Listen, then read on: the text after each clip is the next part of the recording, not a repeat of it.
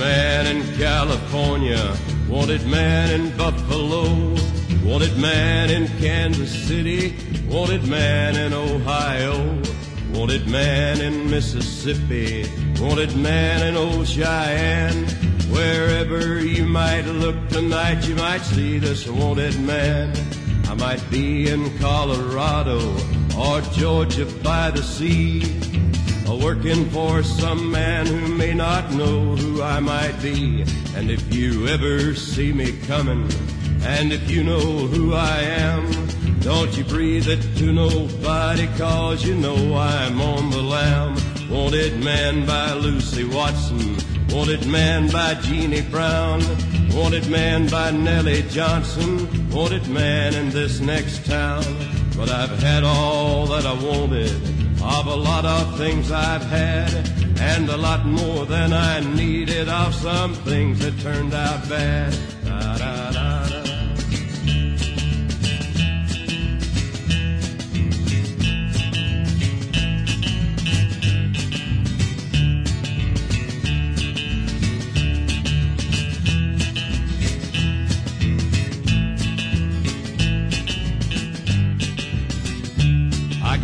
sidetracked in El Paso, stopped to get myself a map. Went the wrong way into Juarez with Juanita on my lap. Then I went to sleep in Shreveport, woke up in Abilene, wondering why the hell I'm wanted at some town halfway between. Wanted man in California, wanted man in Buffalo, wanted man in Kansas City, wanted man in Ohio. There's somebody set to grab me anywhere that I might be. So wherever you might look tonight, you might get a glimpse of me.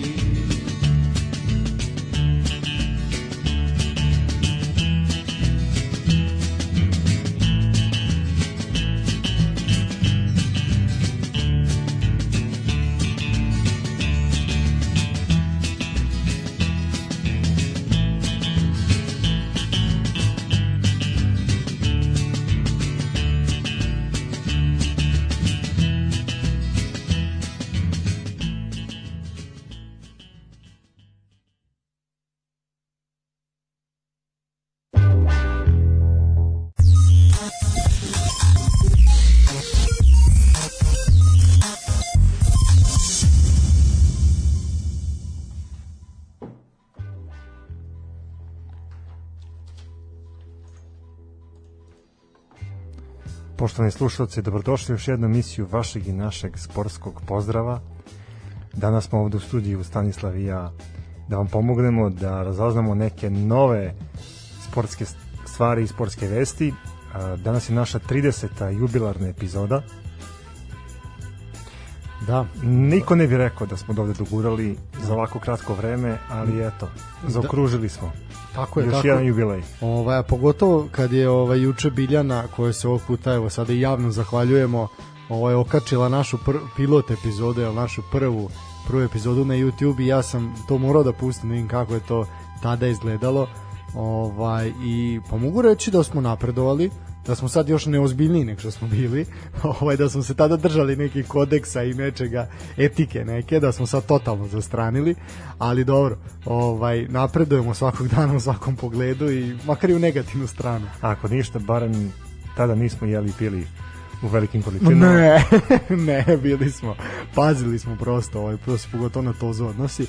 Ovaj, pa ne, zaista... Ali i dalje smo u dobroj kondiciji. Ne, ne, svakako. Kad, kad se pogledamo u gledalo, kad se napravi taj neki selfie, kada ti snimiš intro video za Instagram, nekako mi se čini da smo i dalje fresh i da smo i dalje A da, jesmo, što Dobro, bi rekli klinci ovih dana proteini, vitamini, bitno da je guza top. Strašno. A dobro, guza nam se ne vidi.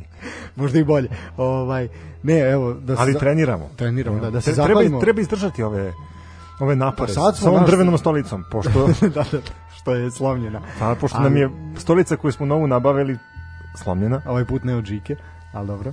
Ovaj ništa da se moramo se zahvaliti Bili stvarno ovaj Biljo ovaj hvala ti srećan put za Nemačku ovaj čujemo se kad kad se vratiš svoje kući pravoj ovaj pošto ovde je bilo malo da podsjeti zašto je otišla da se podsjeti zašto je otišla tamo ovaj hvala ti na pomoći na trudu i na tome što eto želiš da naša naša mala emisija osvane osvane i na YouTubeu. Tako da to zaista zaista ovaj kad se budeš ovaj vratila i kad budeš došla sledeći put biće naš gost ovde i zajedno ćemo ovde srkati pivo mikrofon i, i sedeti na drvenoj stolici. sedeti na drvenoj stolici koja se raspada? Dobro. Pazi sve se raspada danas. Pa da i vreme što ne bi stolica? pa da vreme se raspada sve država nam se raspala odavno. Ovaj da pa da raspadaju se ovi što aplaudiraju 23 puta u skupštini Ovaj nisi to ispratio verovatno. Kako nisam? Pa vi jesi ti jesi standing ovation. Standing ovation. A toliko da. smo to prizivali, evo, imali smo definiciju. Možda nije bio Ronaldinho na Santiago Bernabeu, ali je bio Vučić u skupštini. Tako da dobro. Šta Svakako zvezda. Svakako zvezda. A čovjek koji nije zvezda, čovjek koji je partizan, se vratio. Da, da, Željko Bradović se vratio u partizan posle dugo, dugo godina. Posle 30, posle 30 godina je tu ponovo Ovaj ono mi smo o tome pričali, mislim to se šuška već neko vreme, pričali smo ovaj ne prošli nego pretprošli put. Aj pričali smo i prošli put sam pričao ja sam. Ovaj tako da moram da ti se zahvalim što si ovaj put došao. Ovaj mogu ti reći da je bilo jako teško biti sam. Ovaj nije lako biti sam generalno u životu, a ovde i pogotovo falio si, falio si. Ne znam. Ne znam da li ti to ikad ikad rekao, ali evo sad sad se to čuo. Tvoje reči su me dirnule toliko duboko. Pustio bi suzu. Suzu da navlažim ovde. Ovaj, da, Željko Bradović ponovo među Srbima i među grobarima. Uh, pričao sam ja o tome, pričali smo ti ja o tome, evo sad kad je zvanično, kako ti sad to sve deluje? Meni to delo sve nestvarno. Znaš kao pogotovo što je Željko Bradović, mislim, ja se sad sećam njegove čuvene konferencije 2005. nakon kraha košarkaške reprezentacije ovde u, u Novom Sadu I sećam se toga da je ovaj njegova žustra rasprava sa sa novinarem da je on objasnio da je to neke stvari je teško objasniti. I sad eto ponovo u, u našoj košarci svakako to je dobra stvar za sve mlade igrače koji će imati priliku sa njim da sarađuju. E, mislim da je to dobra prilika i za Partizan da se ponovo firmiš na nekom košarkaškom nebu. A dobra prilika i za Zvezdu da Zvezda shvati i Zvezdu i Megu da ozbiljno shvate Partizan kao konkurenta za možda neki trofej i mislim da će ABA liga, a pogotovo i, i naša domaća na, na kraju, biti veoma zanimljivo takmičenje naredne sezone. Vidimo Zvezdu, Zvezda se na primjer dosta pojačala. Ozbiljno, ozbiljno pojačanje. Ozbiljan tim prave, Mega ima tu mogućnost da pronalazi nove talente i da ih afirmiše i interesuje me kako će sve to oni da izgledaju nakon odlaska Filipa Petruševa na draft i šta će ispati na kraju sa, sa njihovim timom. Pa dobro, znaš kako, isto je ta priča bila šta će biti kad ode Jokić, šta će biti kad ode ovaj, šta će biti kad da, ode da, onaj. Mislim, mislim pa definitivno da oni uvek nađu nekog da, ko, ko može da iskoči i da, da postane nova zvezda. Što se tiče Željka Obradovića, e, tamo gde je završio igračku karijeru i eto preko noći ovaj, postao trener prvog, prvog tima kad su mu svi živi govorili da nije normalan i da ne treba to da radi, da prenoći, da se ne zaleće, a eto ko bi rekao da je, eto da je možda prenoćio i da možda se polakomio, možda danas ne bi bio to što jeste, ne bi bio najtrofejniji, ne, ne bi bio najtrofejniji trener ovaj, ne, sa najviše osvojenih Euroliga, mislim koju karijeru vodio Partizan, Juventud, Real Madrid, Benetton, Panathinaikos, Fenerbahče, mislim zaista onako i gde god je radio ostvarivo je ozbiljne ozbiljne. Da, da, i ostavi ozbiljan trag. I košarkaški i trenerski. Mislim, imati, imati ovaj kohones da se u tom momentu te 90. godine 91. ovaj zahvališ Dudivkoviću na pozivu za takmičenje kao kapitan reprezentacije u tom momentu i kažeš ne ja ostajem u Beogradu da treniram da, da učim zanat. da ovaj gde su mu zaista svi svi govorili da ono da nije normalan ali eto zaista i ta sezona koju je Partizan imao, koja je to čak u dva dokumentarna filma se, se pojavila, ta čuvena 92. godina koja je bila bila fantastična i jedna, zapravo jeste filmska priča, sve to što se dešavalo. I eto, mislim da će ovo biti s jedne strane u prvi, bit će medeni mesec, znaš, u prvom periodu, e ja se samo bojim ono što sam naglasio, uh, da pitanje je sad koliko će on moći da napravi ekipu, koliko Partizan ima financija i koliko će, mada će on sa sobom povlači ime, jel, pa će povući neke igrače, ali da li će preko noći biti konkurentan Crvenoj zvezdi, mislim da ne. Ja isto to mislim, da. I bojim se samo i molim sve, sve navijače i partizane i ljubitelji košarke da da ne bude samo da takvu košarkašku legendu koju zaista, to zaista jeste igračka i trenerska legenda, ne potrošimo jako brzo. Znači, vidjet ćeš, ovaj narod je takav, preko noći će se zaboraviti sve i krenut će pljuvanje. Kao i za svakog tu koji je bio pre njega. Ja se toga, toga ono, to je ono čega se najviše bojim. Partizan je najavio promociju za 28. Tako. Tako je, ugovor će biti potpisan na tri godine, koliko sam vidio. Pitanje je da li će on sve tri godine odraditi, ja mislim iskreno da neće, ali ajde, vidjet ćemo. Ja, ja se nadam da ovo može da bude jedna zanimljiva priča i da će, mislim, vidi, podići će interesovanje na, za ABA ligu. Realno, prošle sezone niko živi nije to pratio. Znači, to nisu pratili roditelji igrača. Dobro, imali smo jednu situaciju sa Bilo je svega. sa igranjem da. određenih broja utakmica, pa jedni nisu završili uh, svoje utakmice, pa se na kraju to sve završilo tako kako se završilo. A plus imao si milion utakmica u Evropi, mislim da je, ja ne znam koliko je Crna zvezda odigrala 80 utakmica u Euroligi, mislim to ne nemoguće. Pa ni igrači su prespavali, mislim nisu odgledali sve. Tako da zaista onako, mislim da je ovo dobar potez, vidim da se Željko Rebrača oglasio, ovaj da je stigao najbolji trener Evrope i sa njime stiglo mnogo milion pozitivnih stvari za Partizan. Ja se slažem, znači prvo Željko Bradović je brend koji donosi mnogo toga Partizanu koji će privući vratno i sponzore, koji će privući profit, mislim naravno to je ono što je zapravo i najbitnije, ali ja se samo opet bojim da je to neko da je opet trošenje legende. Trošenje legende svakako a ona druga stvar koja me plaši što je to mislim da ovako sebi ostoja kupuje malo vremena da ostane još tu gde jeste. Da je to onako politički podoban potez koji će malo smiriti nezadovoljstvo. Zna se, trenutno naj, najnezadovoljniji ljudi u, u državi ako kao, kao socijalna kategorija, znači ako izuzmemo ljude koji su nezaposleni, koji su socijalni slučaj, znači sve te koji imaju, koje isteruju iz domova i tako dalje i tako dalje, a realno su ti ljudi koji najviše u, u masi iskazuju svoje nezadovoljstvo, su navijači znači, Partizana, da. da. Znači, ako iz, imamo ove koji se bore za protiv mini hidroelektrana i ovaj protiv Rio Tinta i sve to, ali m, njih ne smanjuju u programu. Oni se ne pojavljuju nigde. Njih možete vidjeti na Facebooku, eventualno na N1. Ali vi imate da državna državna televizija, mislim ovo je Fjordovska omaška, Arena jeste državna televizija, ali nema nacionalnu frekvenciju, to sam teo da kažem. Smanjuje ton kad krenu da uzvikuju predsjedniku. Znači ja mislim da je ovo kupovina mira, da se malo to pred izbore smiri.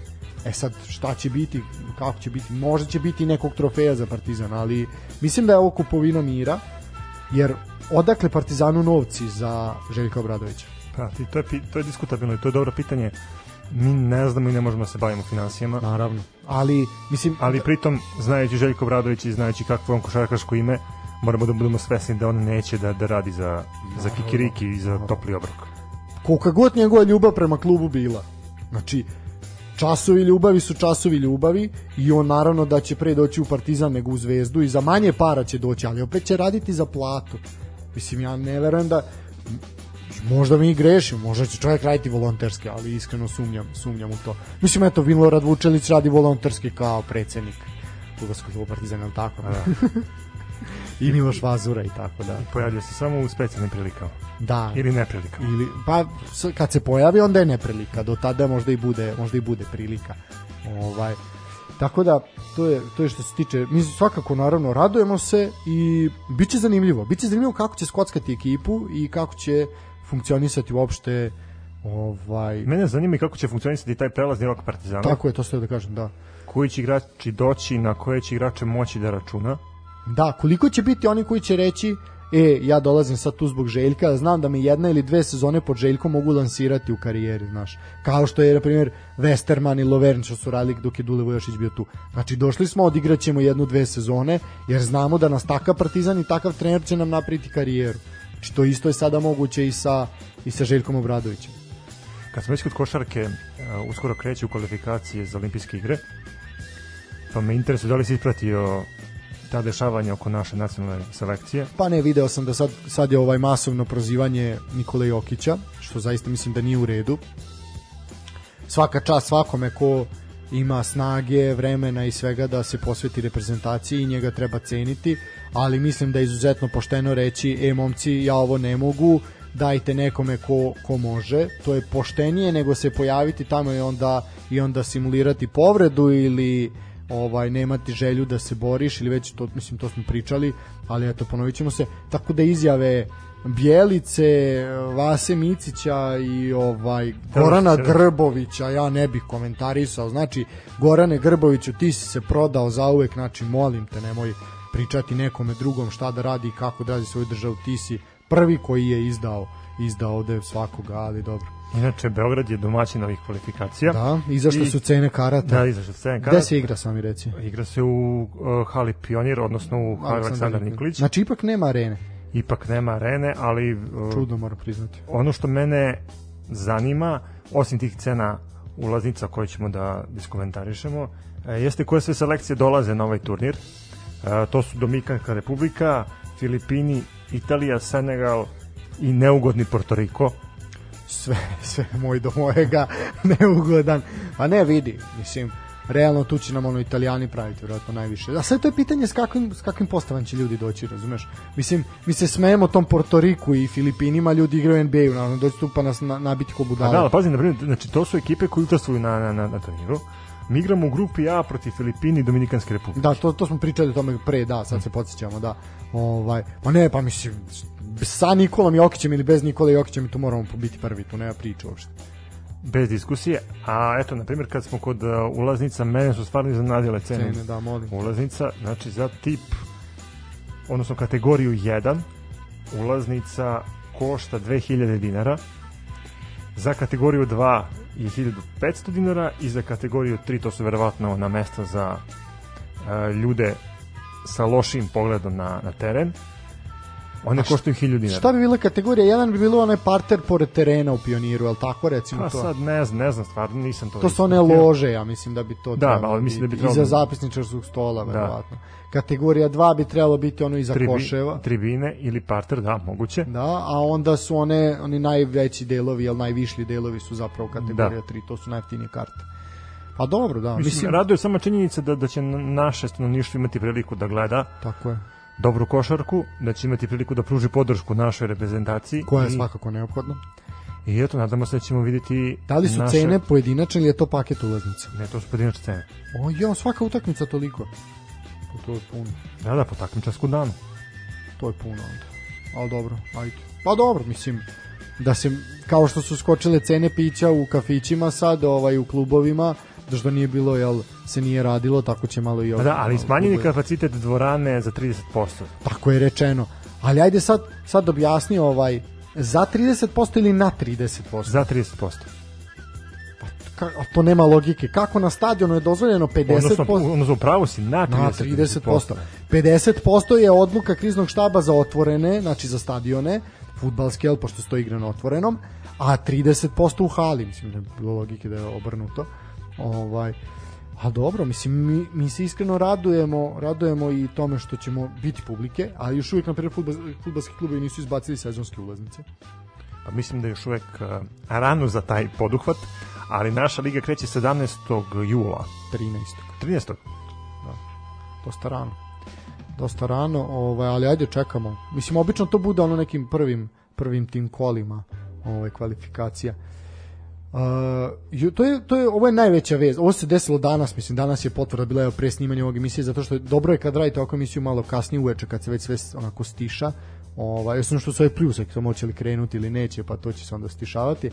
Ali bomba koja je odjeknula ovaj, pre neki dan, Lalatović je preuzeo radnički iz Niša, ajde da tako to kažemo, mi smo to pričali o tome i to smo najavili. I to ne bi bilo prilično veliko iznenađenje. Poprilično. Jer smo ga selili u Proleter rad i ostale klubove koji bi mogli da mislim tu to si tu tvoja želja bilo da do Proletera mislim niče više nego ne, sam... stvarno on je bio na razgovoru sa njima. a bio na razgovor ne bi preuzeo nikad ali ajde.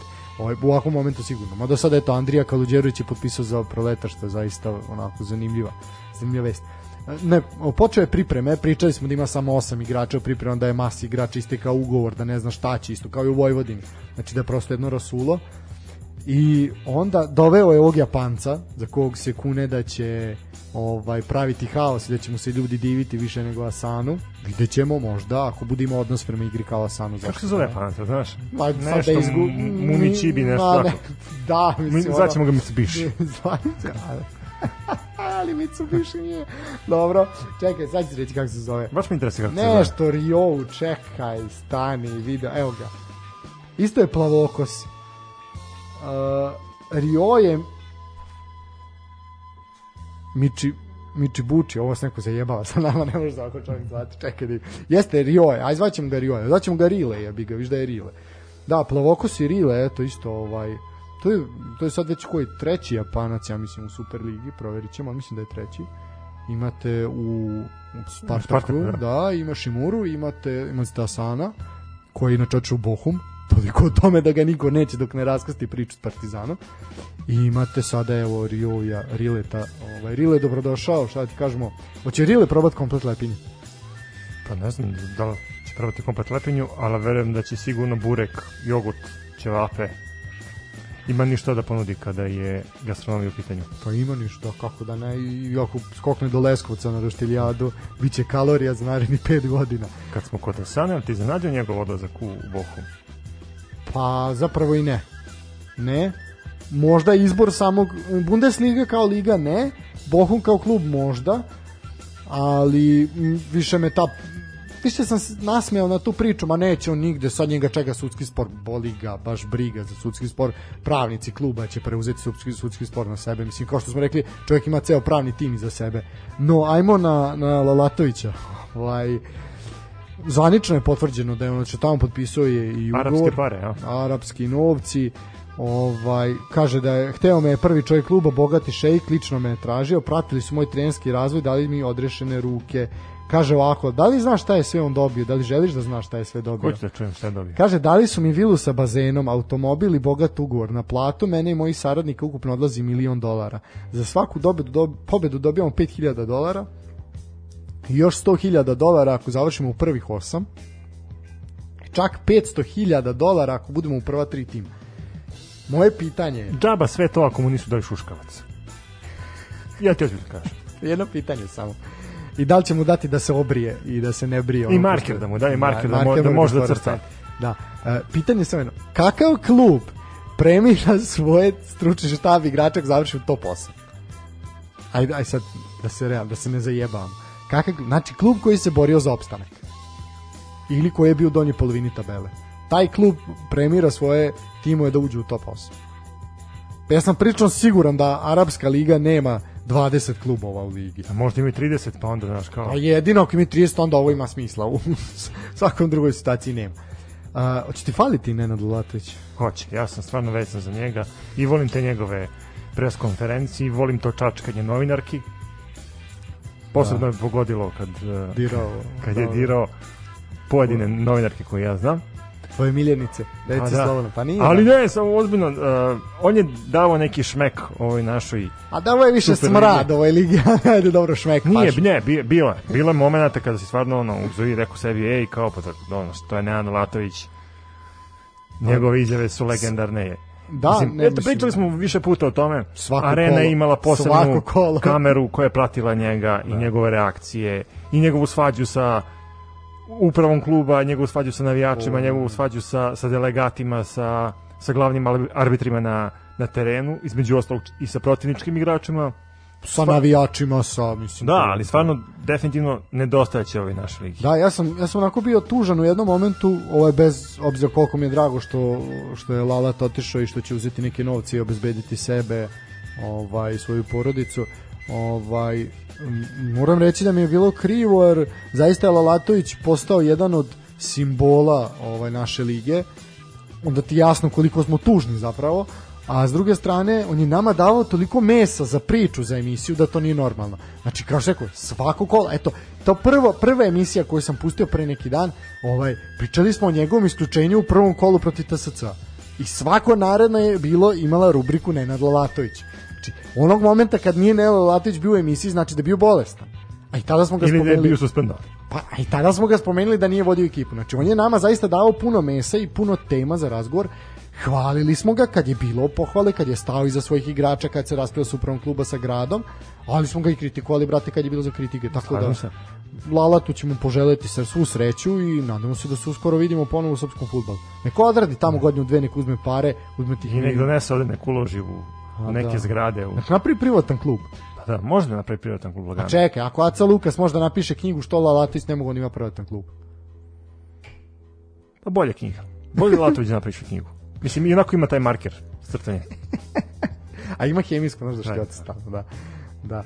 Ovaj, pa dobro, da, eto, Lalate, srećan put u daleku Arabiju, nadam se da tamo neće biti jako vruće.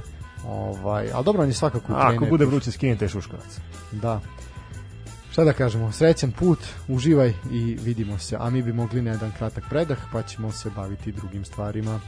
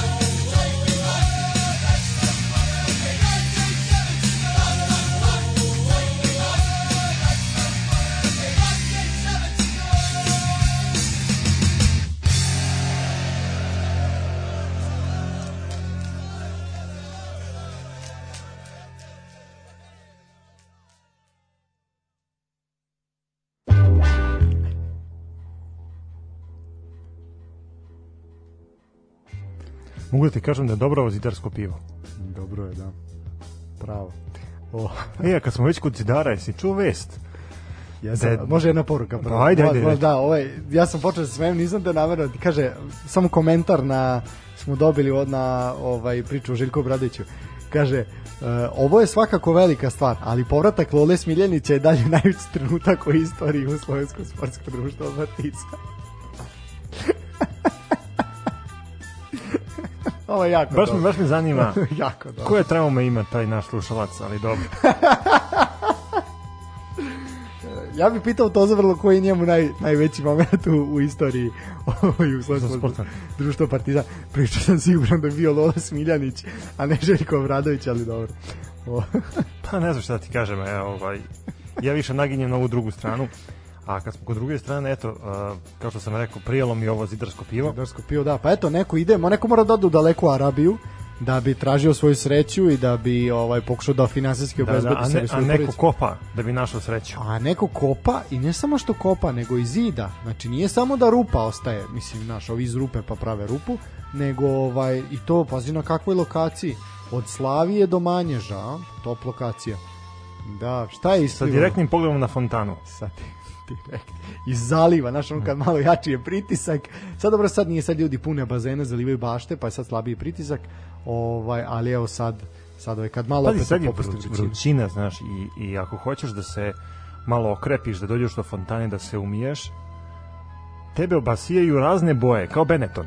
Znaš, kao, osjećaš se da si u Benettonovoj reklami i onda kad zasvira, ali kad zasvira iz automobila, Da, onda je problem. jer je se svojila gužva na, na okretnici. Da, Srbija, Srbija je jedina, jedina država gde kružni tok može da stane. Nešto što je patentirano da ne može da se zaustavi, kod nas staje bez problema.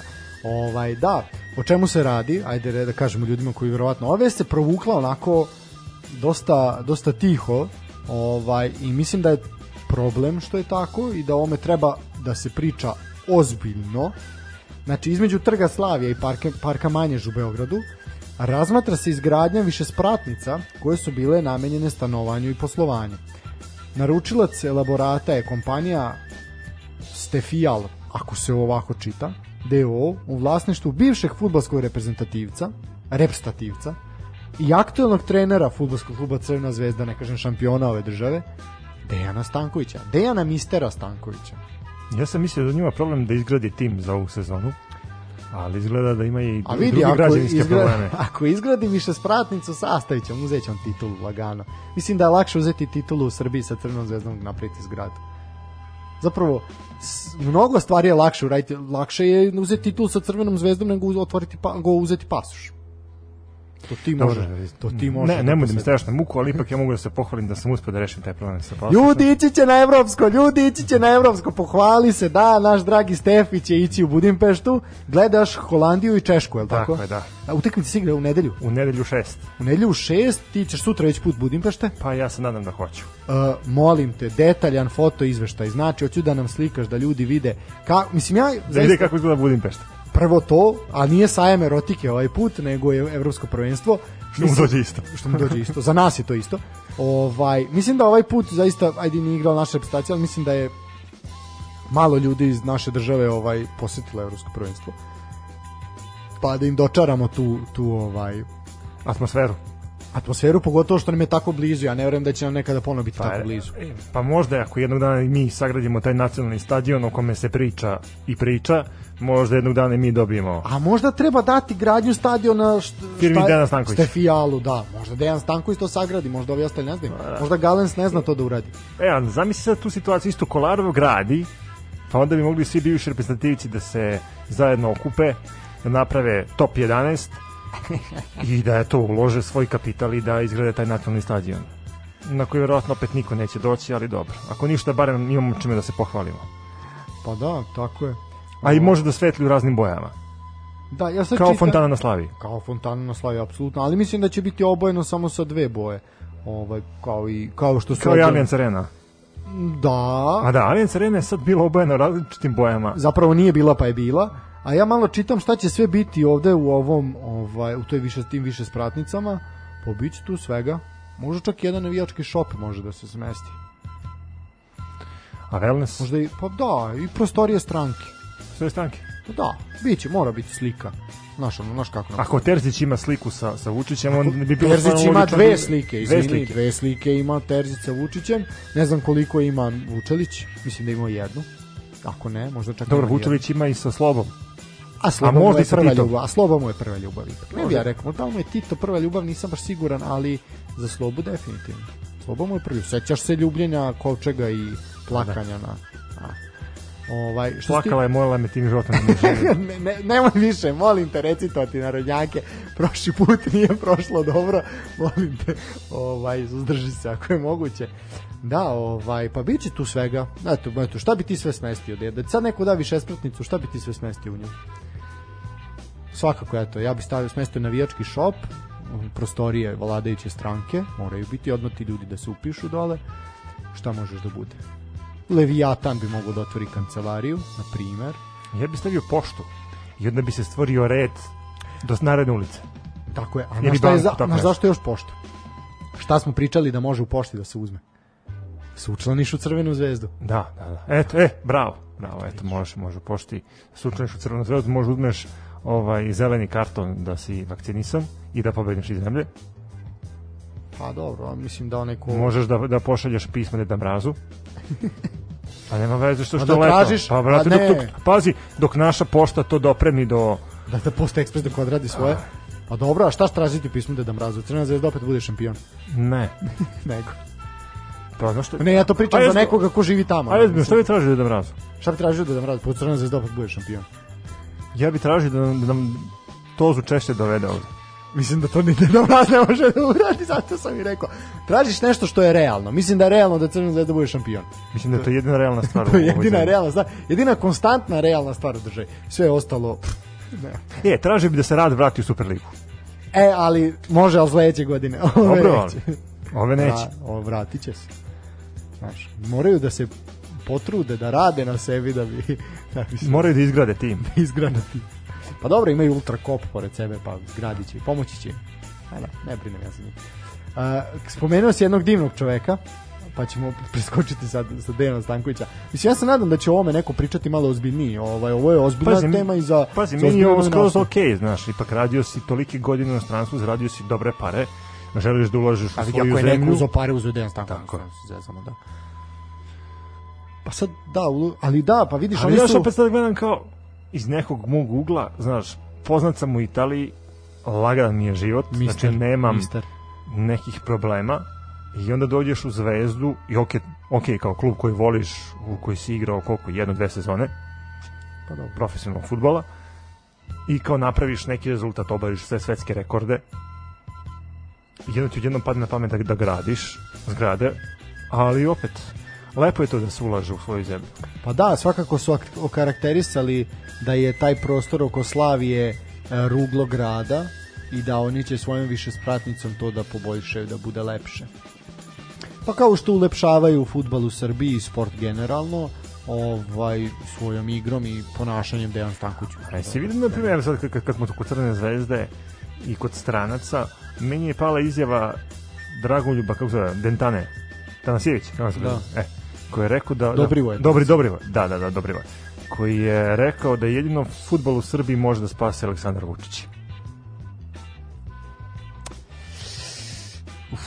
Pa da, pa uzajamno je to. I ovaj može ovo i ovo može ovoga. Da, na što je to je A ja sam mislio, ja sam mislio ono kad smo pričali o tome da Rasim može da da spasi Rasime, spasi me. Pa može Rasim, ali Rasim će biti uz blagoslov predsednika, razumeš? Ja, na, ono naš, taj neki ono zajedljivi čovek koji veruje u teoriju zavere u meni, misli da je i Željko Obradović uz blagoslov predsednika. Znaš, pa misli da je sve ovde uz blagoslov predsednika. Ili ljudi bliski. Predsjedniče, molim te, blagoslovi i ovaj naš podcast. Da, da. Toza nam dođe. To za nam dođe da malo dignemo rating, da, da ne moramo više da, da, da pijemo. Da, da bi bili zanimljiviji. Ali opet ne ispadnemo zanimljivi. Da, da. Dobro. E, ajmo na Zvezdana Da, Terzića. da sedimo na tapaciranim stolicama, Drvenim. a ne drvenim. da.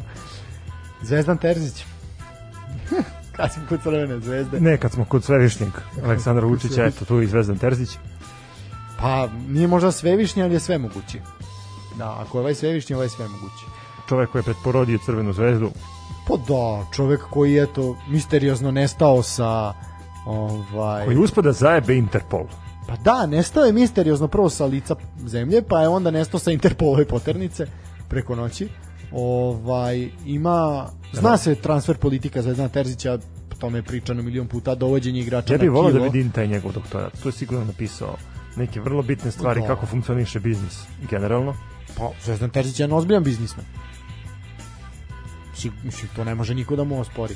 Ovaj, doktorat je isto, pa vidi on je doktor postao mnogo pre Siniše Malog i ovi koji su falsifikovali, ja verujem I to da... je, i to je išao da brani u inostranstvo. Da, pa nije to zajebancija na Sorboni u pičku. A je, Treba je to da se prevede, znaš. Pa treba Pa onda sa napraviš. PowerPoint prezentaciju, pa da imaš komunikaciju Ti šta je sa, to sa treba klikati, mentorima. klikati onu strelicu da ti okreće slajdove. E, pa pošalješ ujutru mentoru poruku ili mail. Pa Profesor, da kad, kad mogu da dođem na konsultacije, A on kaže nemoj danas molim. te. veliki petak. Na veliki petak se ne igra. na crveno slovo se ne igra. Ovaj, pa da onda ne radi studentska služba, naš, otišla na pauzu. Pošto rade od 10 do 10 i 15, znaš, a u 10 i 13 odu na pauzu za doručak. I on kao, ali ja sam te došao da overim indeks sutra. Znaš, svaki, svaki peti četvrtak u mesecu. Znaš ti koje su to muke jebote bilo doći. A mi, i onda, onda te još ganja Interpol. A, stvarno nema smisla. Zaista. Zaista. nema Bolje da te ganju što nisi platio godinu ili overu semestra nego da te ganja Interpol. Da. Uh, Sve u svemu Zvedan Terzić je uspeo to da prilagodi na svoj način i evo da ga tu gde jeste. i ima problema sa Aleksandrom Prijevićem. Ovaj navikli smo da Terza kupuje igrače na kilo. Ovaj bukvalno po kilogram žive vage. I da masa igrača koja potpiše ugovor sa Crvenom zvezdom uopšte ni ne zaigra za Crvenu zvezdu. Završi Jaka po konkurencija. jaka konkurencija. Ladno, ali standard. Ovaj završi po radničkom iz Niša, po Surdulici i tako dalje. Ovaj onda ih i oni otaraju. Ovaj što je mislim doći ćemo i do tog dela. Uh, odustalo se od dovođenja Aleksandra Kolarova, o tome smo pričali, a odustalo se i od Prijovića. Pritom je Terzić, nisu se baš ovaj onako, nije se to nešto gospodski ovaj Mislim, da li uopšte očekivati od Prijovića i Terzića, da li tu može bude iče gospodsko? To je pitanje. Ne, ja mislim da mora da postoji neko uzemno poštovanje.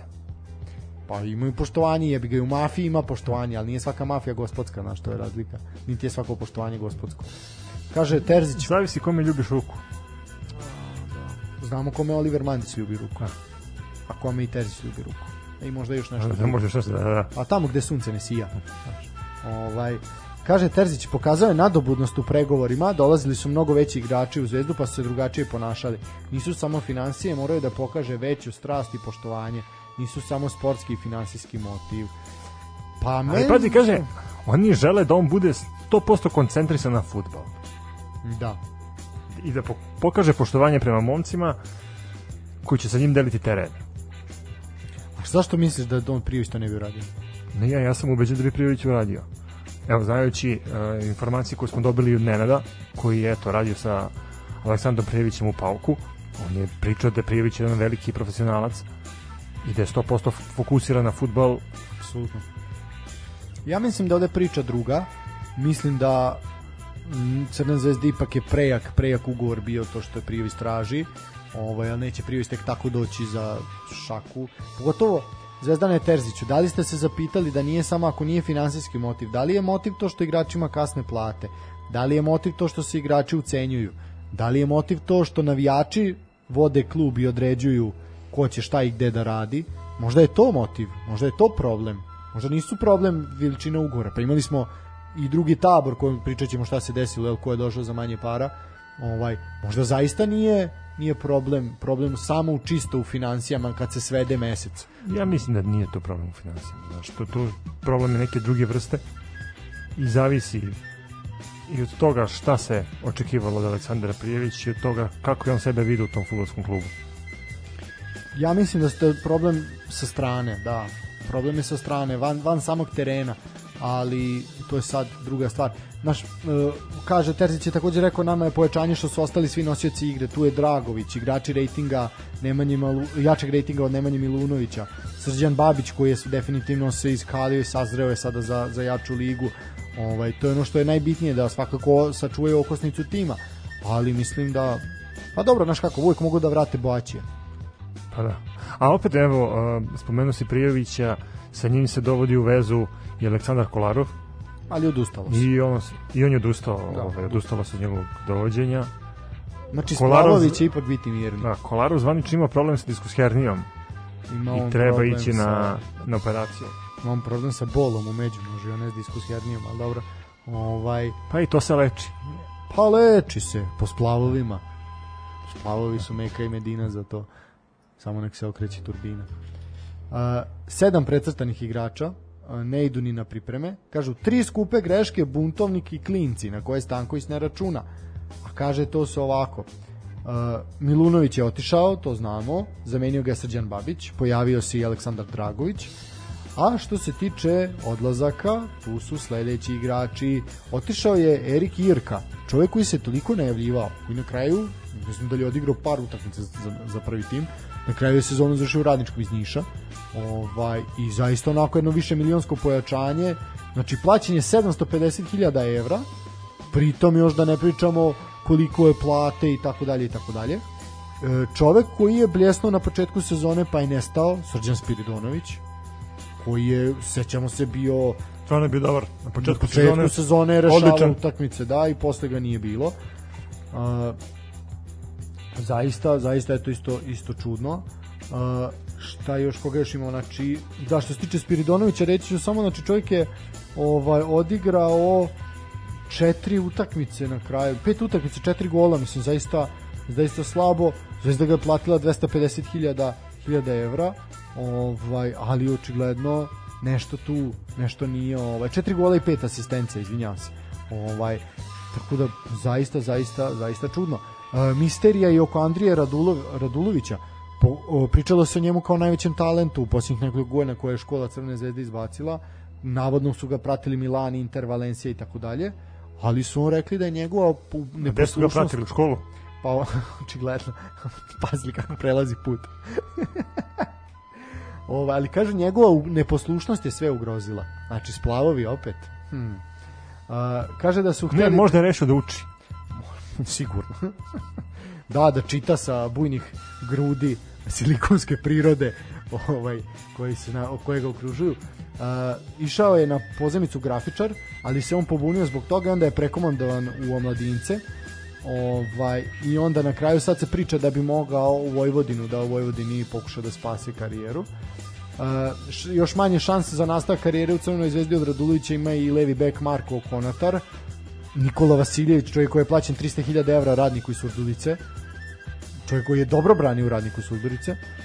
Zatim ne računa se na Luku Markovića, Miloša Čupića, to su mladi, mladi igrači, znači zaista onako biće, biće jedna ozbiljna seča, ali će i dovesti se opet brdo igrača koji će to, mislim, Zvezda je dovela dva beka već, pritom jednog stranca za kog niko nikad nije čuo jednog mladog reprezentativca, to ne znam da se isprati, ali oni su onako, to je sve, znaš, oni će se svi pojaviti đutore na jednoj snimku, oni će biti uslikani, pomahati dresovima i ajmo. Da, baci kosku. Pa da. Terziću. Tako je. Poljubiti sliku iznu Terzićevom kabinetu, vjerojatno i jednu i drugu.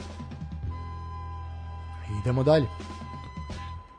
E, a kad idemo dalje, gde idemo sad? Uh, pa kad pri, pri, pričamo o seči, mogli smo još jednu seču da spomenemo. Nije seča Knezova, ali, ali je ozbiljna seča, ozbiljnih glava. Seča sudija u Superligi. Au. Uf, vidi, ovo je sad jedna ozbiljno teška tema. Ali i ozbiljna imena se pojavljuju. Da li bi, da ti je neko prošle godine rekao da će ovi ljudi biti obrisani sa liste elitnih sudija, da li bi ti to poverovao? Ne bi, nema, nema šanse.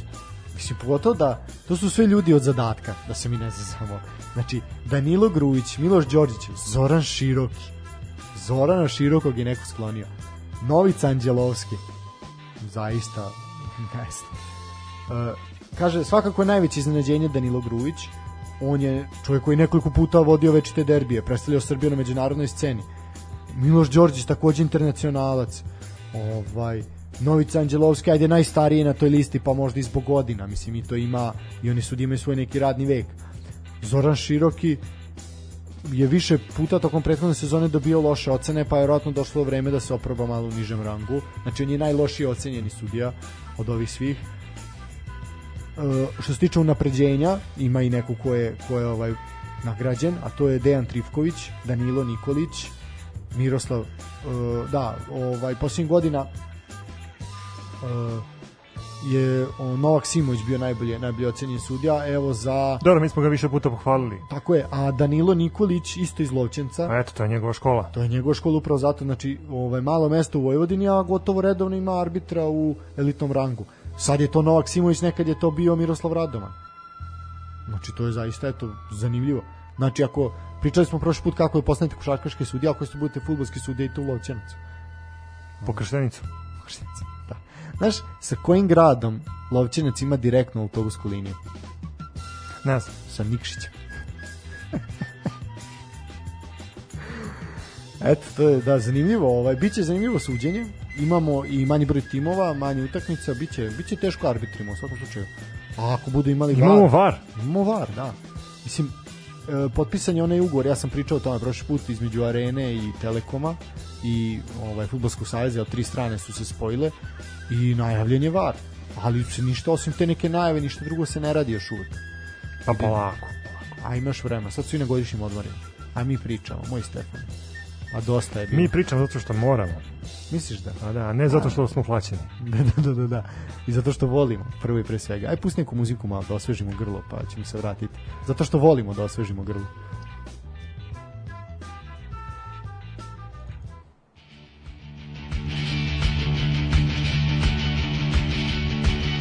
We worked our way up from East End pubs to gigs and backstage passes, Xboxing champs, West End clubs, Americans in dark glasses, driving 10 grand cars, drinking hotel bars, even making money in bed. They wouldn't be no loss, they ain't worth a toss. It's about time they all dropped dead. Take 'em all, take 'em all, pull 'em up against the wall and shoot 'em,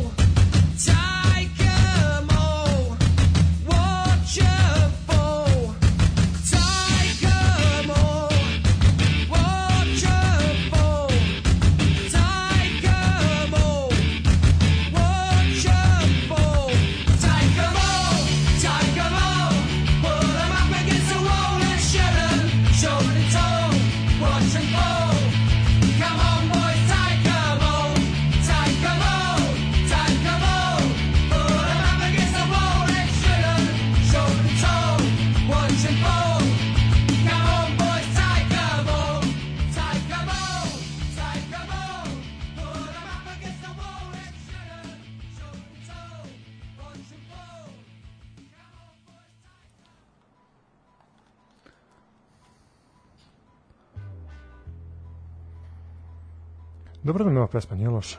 Pa nije loše, da vraćamo se, vraćamo se. Ovaj, pripremamo se polako za povratak najelitnijeg takmičenja u Srba.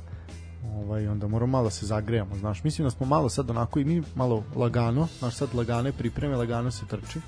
Ovaj, Noge su teške. Noge su teške, da, zato kad počne, bit će odmah, odmah s dve noge, kao Kežman, za 30 sekundi crveni kartan. Uh, ajmo, pričali smo jel, ajde, o Crvenoj zvezdi, o pojačanjima i svakako je, pa transfer pijace je svakako najzanimljivija ovaj, u crveno-belom taboru. A što se tiče večitog rivala, jel, iz Kumske ulice, koji je na pripremama Gde smo u Sloveniji? u Sloveniji, da, u Sloveniji su i Vojvodina i Čukarički partizan. A neće odigrati nijednu utakmicu izme- među sebe. Što je logično. Pa da. Partizan igra sa Krakovijom, sa Murom, sa još jednim slovenačkim timom i zatvaraju sa nekim Rusima, ako sam dobro video, Rostov, tako nešto. Dobro. Ne, ne nisam ispratio. Da, Vojvodina igra, Vojvodina zatvara sa Goricom i to sam ja pričao prošli put po meni, onako to je može biti jako, jako zanimljiv, zanimljiv duel. A dobro, to ćemo svakako pratiti kad krenu pripremni dueli. Mislim da će Arena prenositi većinu. E sad što se tiče, Stanović je poslao prvi raport iz Sloveniji i bukvalno je rekao svi su na prodaju, samo Igor Vujačić nije. Zanimljiva izjava. Nije se pojavio Danilo Pantić, tačnije kasnio je.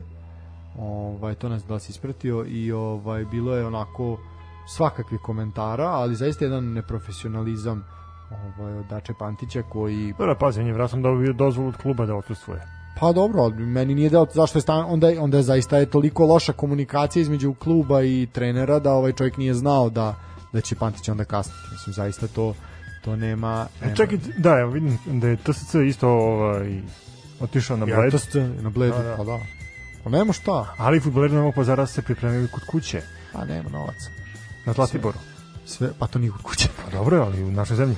Pa dobro da. Ovaj ali na šta? Pa vidi se Novi Pazar je sve novce dao za za ovaj vraćanje dugova da bi dobili licencu. Tako da mora malo se prištedi, ješće se komplet lepinja, znaš, neće se jesti na bledu. Ovaj, ali dobro, zato će od komplet lepinja imati energije da trče. Dobro je komplet letenja. Kako nije? Dobro, je, odlično. Ne fali Pa da ti jedeš ujutru i miran si do uveče. Možeš dva treninga da izdržiš. Ne, baš da uveče, ali ono... A držite do 8 uveče ako si je u 5. Šalim se, nije. To za, za nas nenormalne, ovaj, za Svetozara. O, ovaj, a za normalne ljude da drži. Ovaj, I Voždovac je otputan na Zlatibor. Pa dobro, pa to je to. Mislim, to je, to je ono što se dalo za očekivati za klubove koji nemaju nemaju toliko. Mislim, zaista, znaš, imali smo prethodnih godina situaciju su se, na primjer, Proletar se priprema u Novom Sadu. Kako sada se pripremi na 47 stepeni u Novom Sadu? Mislim, Lepo, od malo na štrand, Pa na ujutru su i trčanje, trčali, da. da. Pa, pa onda malo pokvase noge u Dunav, pa se vrate ponovo još par kruga oko grada i na kraju, i na kraju pa oko grada. Znaš ti grad se širi, ti Pa ko je da. to krug sad je. E, I onda svi na limunadu u promenadu. da onda s promenadem popnu se na onaj krov i tamo odakle su ih navijači gledali ove prethodnih godinu dana dok nije bilo publike, onda analiziraju tehničko-taktičku postavku na terenu, jer imaju najbolju perspektivu odatle. Svaka čast. Treba ti dati Vojvodinu da preuzeš napriš giganta od njih. Ma, ne mora Vojvodina, može preleter. Dobro. Da, zato proletar igra na Karadžođe, zato neće svoj stadion da napravi jer im odavde mogu da se pripremaju, naš, pa da, vidiš ti. Sve to, u svakom grmu se nađe zec. E, ponuda za Vladimira Stojkovića. Mogao bi Stojković sa Lalatovićem put Arabije. Pa mogao bi, mada ne vidim zašto bi išao. Pa novci. Pa to mu je sad zadnja šansa da uzme neke ozbiljne pare. Uđe, bratom, pare. Ne znam šta će s parama. Pa vidim da ne znam šta će u tome jezde problem. Ovaj, Sin ima kuću, verovatno, ili stan u Loznici, odakle je došao. Da. Ima kuću u Beogradu, sad ćeš više čoveče. Da, pa ajde reći ćemo samo da ga je da ga je u Saudijsku Arabiju pozvao bivši trener Partizana Vukrašović. Vukrašović je preuzeo Al Feihe, to je ovaj klub iz Saudijske Arabije. I kaže da bi da bi Stojković zaista dobio fantastične uslove da ode tamo. A što se tiče ovaj klubova iz Saudijske Arabije i Partizana u posljednjih godinu dana dosta klubova, dosta igrača iz ovog kluba je otišlo u Saudijsku Arabiju. Otišao ti je Nemanja Miletić, otišao je Uroš Vitas, Nemanja Nikolić, znači eto, možda i Vladimir Stojković pojača tu koloniju našu u Saudijskoj Arabiji. Aha, eto. Ne ide se više u Nemačku, sad se ide u Saudijsku Arabiju da se radi. Na bauštelu. Pa dobro, da. E, pored Vladimira Stojkovića, e, Nikola Štulić će tako put pozemice, to mladi talentovani napadač nije, ne vidi se u očima očima Aleksandra Stanevića. Mislim da je to opravdano, mi smo ga najavljivali kao ozbiljan partizanov projekat. Dobio je minutažu, ali jednostavno nije se snašao. Čini mi se da ga je senjorski futbal bar ove godine pojeo. Da. Znaš, a, mi smo ga upoređivali sa Aleksandrom Mitrovićem, pošto tako deluje korpulentno. A, ajde, ima sličnu frizuru kao što ima u Mitroviću dok igra za Partizan. Kec frizura. Ali m, Štulić nije pokazao ništa, baš ništa. Pa, Čak i dobro, neke, da, znaš kao, te video si da i dalje nije za, za prvu ligu, za ozbiljan futbol. Jer u nekim momentima se dešavalo da ga protivnički bek tako nonšalantno od uvod ovaj, ne znam gde se nalazi, da ode iza out linije. Ali opet mislim da je pred njim vreme da treba da trenira, da treba Da, da, proba da, da pronađe sreću prvu u nekom drugom klubu gde bi dobio šansu da konstantno igra i onda ako sve ispadne kako treba da se vrati i da, da pokaže svoj potencijal i da pokaže da je upravo Partizanu na čelu sa ljudima iz Teleoptika stvarno uspelo od njega da napravi jednog dobrog igrača. Da, ovaj, što se tiče napada Partizana, tu će svakako dobiti neke nove obrise, ta napadačka linija. Bajbek je već bivši, čeka se da Francus pristane na sporazumni raskid ugovora. E, da li će pristati to? Malo će, vidjet ćeš. Ovaj, Mislim, komentarisali smo, on ima preprilično jak ugovor, da, a ništa nije pokazao. po, videli smo ga koliko, na dve utakmice samo. Jedan kup jedna jedan liga. da, pa jedan. dao je kupu, da, gol ili tako nešto. Ovaj, uh, Filip Holender je tu i došao, vratio se Ricardo Gomeš. Gomešu ćemo za sekundu samo kasnije.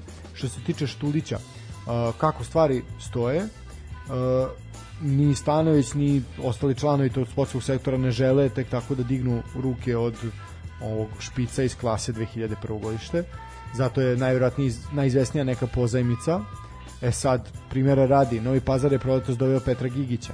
Metalac, Savo Arambašića, obojica su traže sredine u kojima će igrati, pa je logično pretpostaviti da u Humskoj žele da im Štulić bude bude na oku. Znači, ima tu klubova gde Partizan šalje svoje igrače Pa eto, da na primjer, Cucin je došao u Vojvodinu. A Cucin je potpisao baš ugovor, on je otkupljen. Da, da, ali opet je gledam, to je iznak Partizanove škole futbola. Apsolutno, koji je po meni trebao da bude na ovim pripremama u Sloveniji s Partizanom. Ali, Ja mislim da je to u Vojvodini jedno od jačih pojačanja ove sezone. Pa vidi, ja sam pričao prošli put za pojačanje Čolića i Aleksa Jankovića koji je doveo Čukarički. Su ozbiljna pojačanja za Čukarički.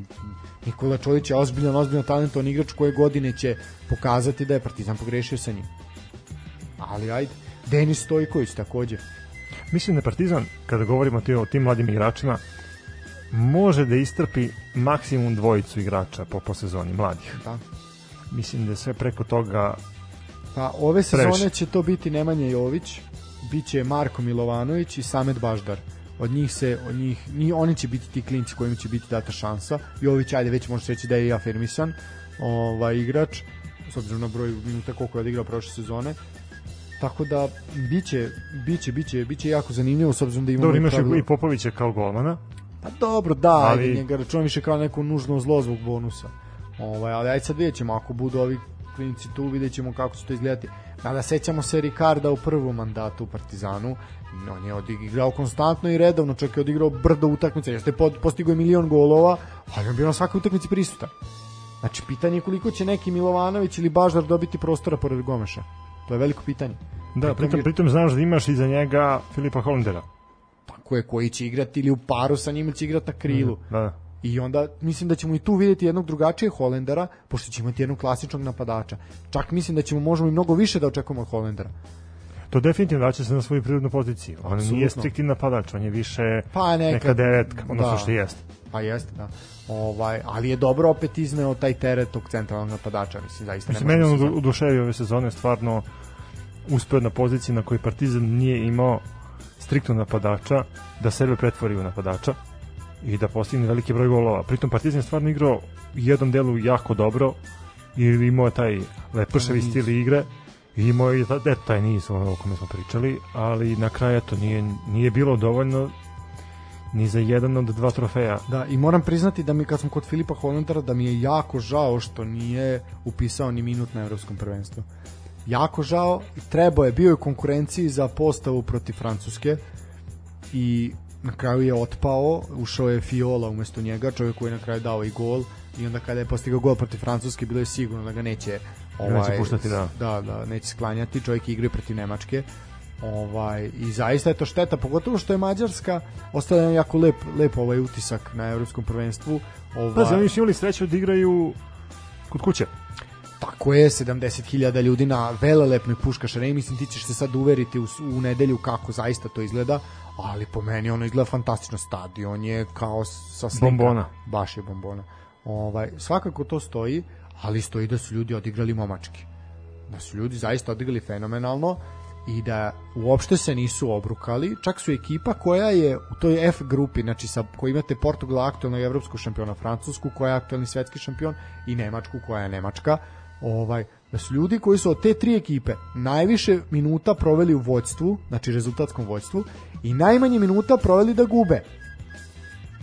Znači od ove tri ekipe. To je zaista ozbiljan podatak. I podatak koji nešto govori. Da su bili u bilo kojoj drugoj grupi, prošli bi grupu sigurno. Po meni su Škoti najmanje, ali to je pričat ćemo evropskom prvenstvu, ali čak se ni Makedonci nisu obrukali. Znači, svi ti oni za koga smo, koga smo rekli zapravo je prošlo da kako treba. Ali ajde, pričat ćemo, posebno uključenje ćemo u EFI i u Evropskom prvenstvu. Što se tiče Ricarda, Ricardo je odbio 3 miliona eura iz Arabije i potpisao je Partizan na 3 godine. A vrednost ugovora, koliko sam ja video, je milion i 400 hiljada, znači to je ozbiljno manja, manja ponuda nego ovaj Dobro, zarad. ali verovatno menadžer uticao na to da, da Ricardo dobije šansu da igra, Pa, obzirom da... da- nije igrao dve godine. Pa da, ali ima i ta, i ta priča je što je opo, ipak će Partizan igrati evropski futbal. Kakav takav, ali evropski. Aj, to ćemo da vidimo. Pa dobro, ali znaš kako, drugačije kad si u Evropi, ovaj, pa makar to bilo i u Srbiji, ovaj, a drugačije kad si negde tamo na nekim otocima, ovaj gde ono niko ni ne zna za tebe ipak si ovde naš ono na radaru pa makar otišao u Osijek ali opet si tu tako da znaš, može se i Srbija otići još uvek u Tursku i tako negde, može, može biti odskušana. Ako se Partizan plasira u, u Ligu konferencija. Ligu konferencija. Da, ja sam pro, prošli put po komentarisao sam, sad te pitam, kako gledaš na protivnika Partizana Dunajska streda? Mislim da Partizan nije imao sreće. Pri Žebu dobio je jednog od tri najjača protivnika. Da. Iz tog, Ne nužno najjačeg, da, ali- Da, jeste, stvarno, iz tog nepovlašćenog Da. dela. Možda je gore jedino ovi Šveđani, Elsborg Šveđani, je da, bio da. da, gore. Ovaj, gledajući Partizan, mislim da Partizanova prednost leži u tome što on prvu utakmicu igra kod kuće, pa je onda revanš u Slovačkoj. Tako da ta prva utakmica može mnogo da pokaže na terenu ko bi mogao da bude favorit. E, Ja se iskreno nadam da će Partizan prvu utakmicu rešiti u svoju korist sa što većim brojem golova. Pošto eto, sad smo videli i to pravilo koju UEFA e, ove godine promenila, a vezno je za gol u gostima. Da, možemo i to prokomentarisati. Ajde, znači ukinuto je to čuveno čuveno ovaj pravilo. Ovaj pa Znaš šta, može se- m- meni je najviše bilo krivo kada su ukinuli pravilo zlatnog gola. Dobro. To mi je uvek bilo nekako simpatično, znaš, i kad, kad sam bio klinac, kad, kad igramo fudbal i onda je nerešen, ne znam, 2-2, 5-5, I ko prvi da gol, i to- ko prvi da gol. Znaš, i onda ti se boriš da postigneš taj zlatni gol, pa onda uvođenjem ovog novog sistema koji je sad na snazi, znači dva puta po 15 minuta, ove, nekako se izgubila ta draž, a eto sad su ukinuli to pravilo gola u gostima koju ja poštojem, jer mislim da su se mnoge ekipe šlepale upravo uz ovo pravilo. Da, pa evo kad smo baš kod Partizana, neko je izvukao statistiku da je Partizan e, šest puta prošao na, na, pro, na foru Gol u gola gostima. u gostima, a samo tri puta ispao. Dok je Crna zvezda zaista mnogo više problema imala sa golom u gostima, nije, nije to više ovaj, pogotovo u prethodnoj, prethodnoj deceniji. E, što se tiče ovoga, znači pravilo o većoj važnosti gola datog u gostima, e, kada timu igraju dva put međusobno ovaj, u ili u knockout fazi, e, znači u kvalifikaciji knockout faza nebitno je, znači ovo važi za sva takmičenja pod okriljem UEFA. Znači sve kvalifikacije već sada počeće od ovog leta. E, ovaj futbolski propis na snazi od 65. godine. Znači punih 56 godina, a evo od sezone 2021-2022 se ukida i zaista pa jedna nova nova era nova era fudbala svakako i mislim da će ovo doprineti što ti kažeš na dinamici da će biti mnogo zanimljivije i svakako će ubrzati igru Uh, sad ima zanimljivo zanimljivo ovaj istraživanje koje ja mislim da će tebi posebno biti zanimljivo. Kaže ovako, od sredine 70. godina prošlog veka uočen je trend smanjenja razlike između procenata pobede domaćih i gostujućih timova. Kaže 61-19 na 47-30 kao i sve manja razlika u broju datih golova. Bilo je prosečno dva, dva gola po meču, uh, za 0.9 za a od tih dva gola po meču 0.95 je bilo za domaćine a kaže a sada je samo 1.58 znači od dva gola po meču sad imaš 1.58 po meču 0.9 za domaćine a sad je 1.15 znači malo je skočilo ta prenos domaćina ali to je još uvijek oko jednog gola uh, zaista mislim da će ovo doprineti, da će biti dobro, bit će zanimljivo svakako i to znači da ti moraš da odigraš dve utakmice ozbiljno da bi mogao da prođeš dalje. E sad, možemo pričati o našim klubovima. E da, pritom, na primjer, ove sezone imamo to pravilo da se vraća stari sistem igranja dve utakmice. Da, Nije da, da, kao da, da, u onom da. COVID sistemu kada si imao samo jednu utakmicu i da ta jedna utakmica rešava a, sudbinu jednog od ta dva kluba. ovde se vraćamo na stariji način, dobro poznat. Imamo utakmicu kod kuće i, u, i na gostima. Ovaj, pa eto, ja se stvarno nadam da, da će naši klubovi uspeti da doguraju što dalje u, u Ligi konferencija. Pritom mislim da i Vojvodini i Čukarički mogu da prođu Mogu, mogu. mogu. Mislim da je Partizan dobio najtežeg protiv. Partizan dobio definitivno najtežeg rivala. Mi smo pričali o Dunajsku stredi, da je to klub koji je Prizvali smo. da, da, koji je finansiran od strane mađarske države kao kod nas što je TSC na primjer Osijek kao što je E, da, da. to da se I priča o tome. mislim da stvarno biće jako teško Partizanu jako, jako, jako teško, ali nije nemoguće, naravno. E šta sad? Što se tiče koliko je ovo pravilo bilo važno našim klubovima, e kaže, upravo Crvenoj zvezdi je prošle sezone gol u gostima presudio protiv Milana. da Da, znači 2-2, 1-1, ovaj, zatim, ali više puta je Crvena zvezda imala, imala sreće, na primjer protiv Young Boysa, ovaj, pa zatim protiv Salzburga. Ček, sad na primjer igraš prvu utakmicu 1-1 i drugu igraš 2-2 igraš produžeca, tako je. Jesu produžeci da, mora neko pobediti. Uh, to je, znači imala je... Dobro, to, je- to je dobro. Pa da. Da eto, da konačno, mi smo imali situaciju jednu, ja mislim da je, da je bila neka evropska utakmica, sad ne mogu da setim koji naš tim je bio u, u opticaju, gde su igrači koji skupljaju lopte iza gola i koji se navodno profesionalno bave futbolom, pogrešili u sprovođenju taktike kada se postiže gol u gostima i koliko on vredi. Tako da eto, konačno se ta neudomica Zato- zato rešila. pa- lopte. e, pa sada igramo dok neko ne pobedi.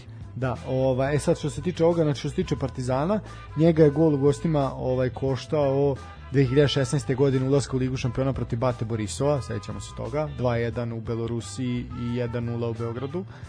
Zatim i protiv... Pozdrav za Mileta Borisova, bivše košarkaša Hema prva. Ovaj.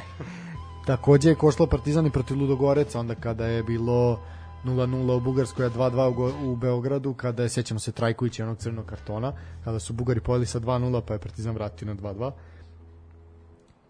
E sad kaže, kako će se igrati kada se ukine pravilo?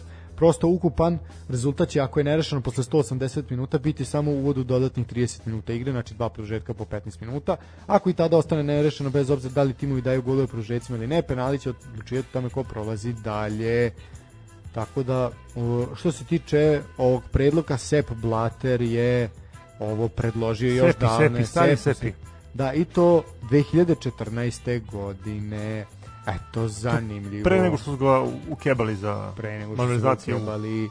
A mogli bi mi malo da ukebamo našu playlistu. Može, može, idemo.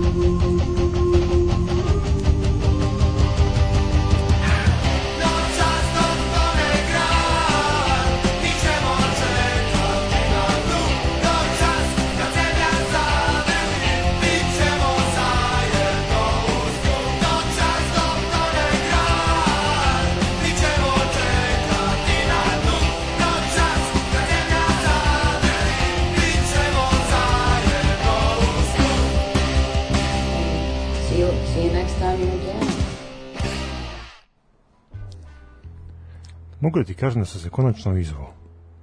Stvarno mi je nekako predstavljao teret da nosim obuću. a Ja... Setio sam se one čuvene slike kada fotoreportere, razumeš, ono, prikažu kako slikaju ljude, novinare, koji izveštavaju sa utakmica i onda znaš kao do... E pa to smo videli sad i na, na, na Euro sa ovim, sa ovim likom gde znaš kao sve lepo obučen do pola, do od pola pola, šorca, e, da. da, šorc ili ovaj, noge u, u lavuru. Tako da ja potpuno razumem ovu profesiju. A, da, Tek to- sada shvatam, mislim, možda to smešno zvuči, ali možda se ja stvarno osjećam kao novinar. Da, ti si teo tu usporedbu. Pa vidi, pijemo ko novinari neki, ovaj, svakako, dok radimo. Boga mi, ko hirurzi. Znamo da presečemo, Da, ozbiljno, hladno, hladnokrvno. Ovaj, što se tiče... ali sve sterilno. Da, sve, sve, apsolutno.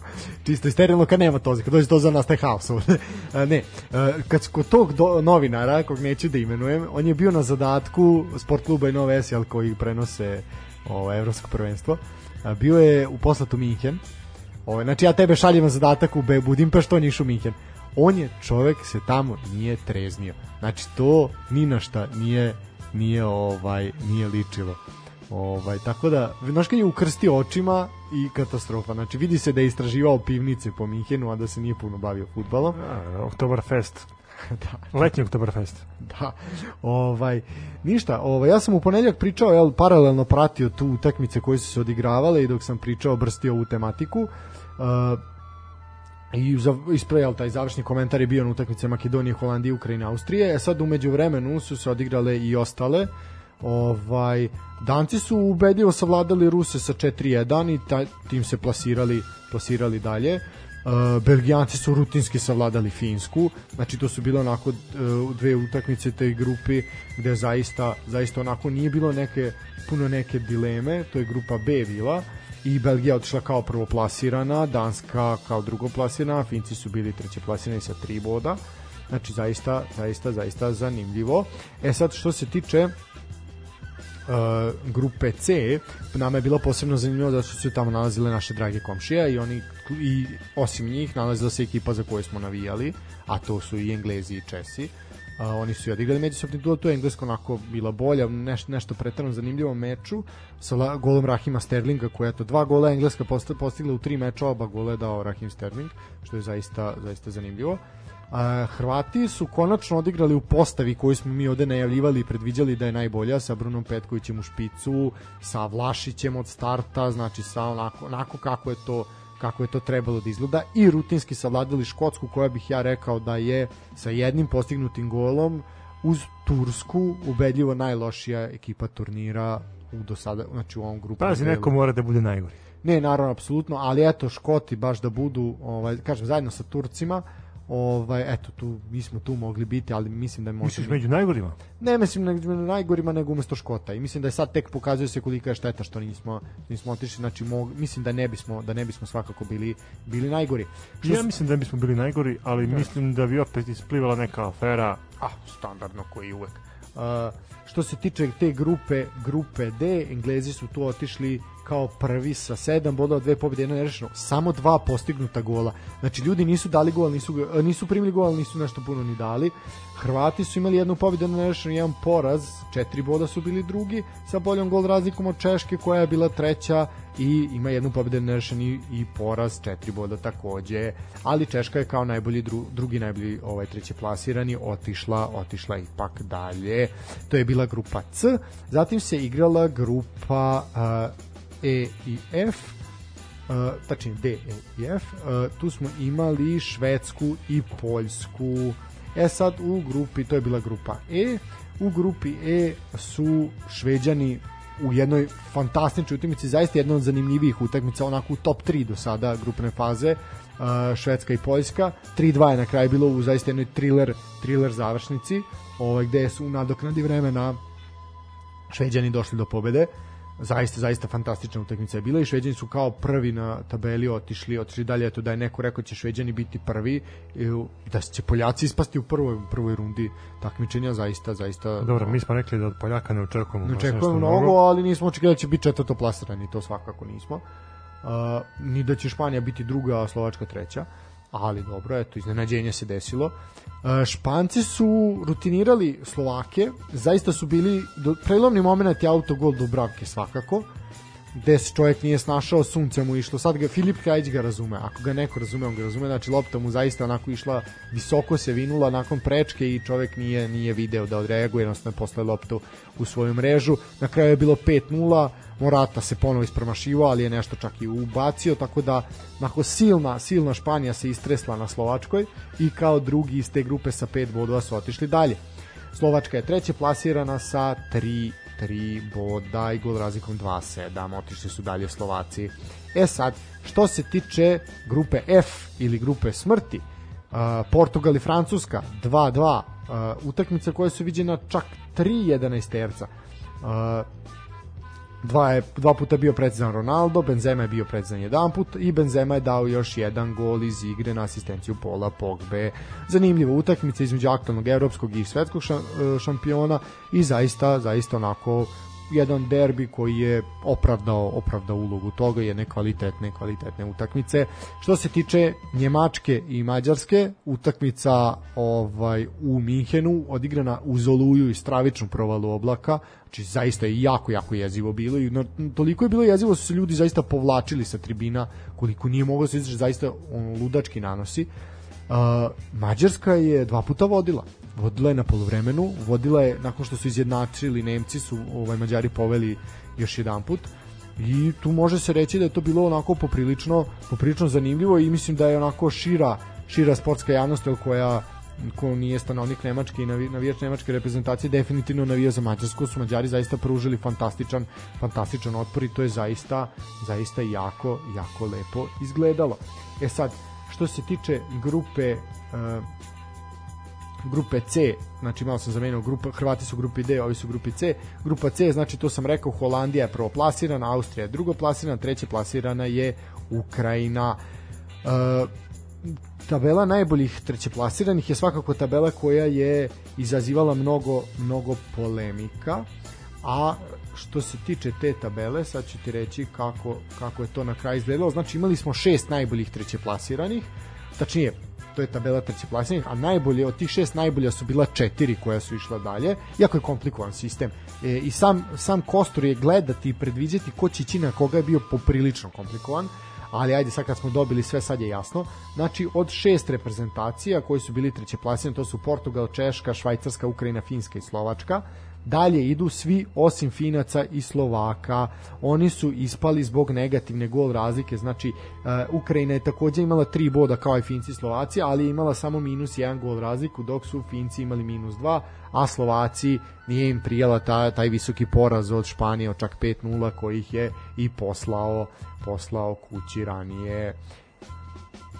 Uh, u suštini da sumiramo grupnu fazu, jako zanimljiva, jako puno utakmica i jako je naporno bilo i zaista su prijala prijala ovi ovi dani, ova dva dana pauze bez bez fudbala ovaj da se malo i navijači odmore jer je velik velike to broj utakmica. Znači imali ste koliko grup šest grupa po tri kola znači to je ozbiljan ozbiljan ozbiljan broj utakmica. Pritom je ja, ja sam odgledao svaki minut svake utakmice i mogu ti reći da mi ono da mi u sredu već bilo ono hvala Bogu sutra nema naš ovaj već koliko god voleo ipak se ipak se zasitiš Uh, ništa, ajmo kratko na pauzu pa ćemo pričati ko bi mogao da prođe dalje i pričat ćemo o tvom putu u Budimpeštu. Ajmo.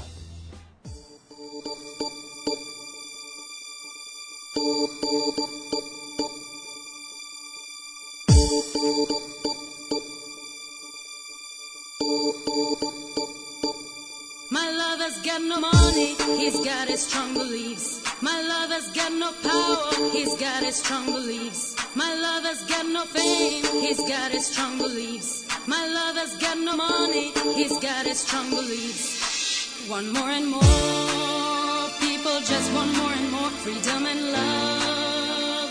What he's looking for, one more and more, people just want more and more freedom and love what he's looking for nonsense is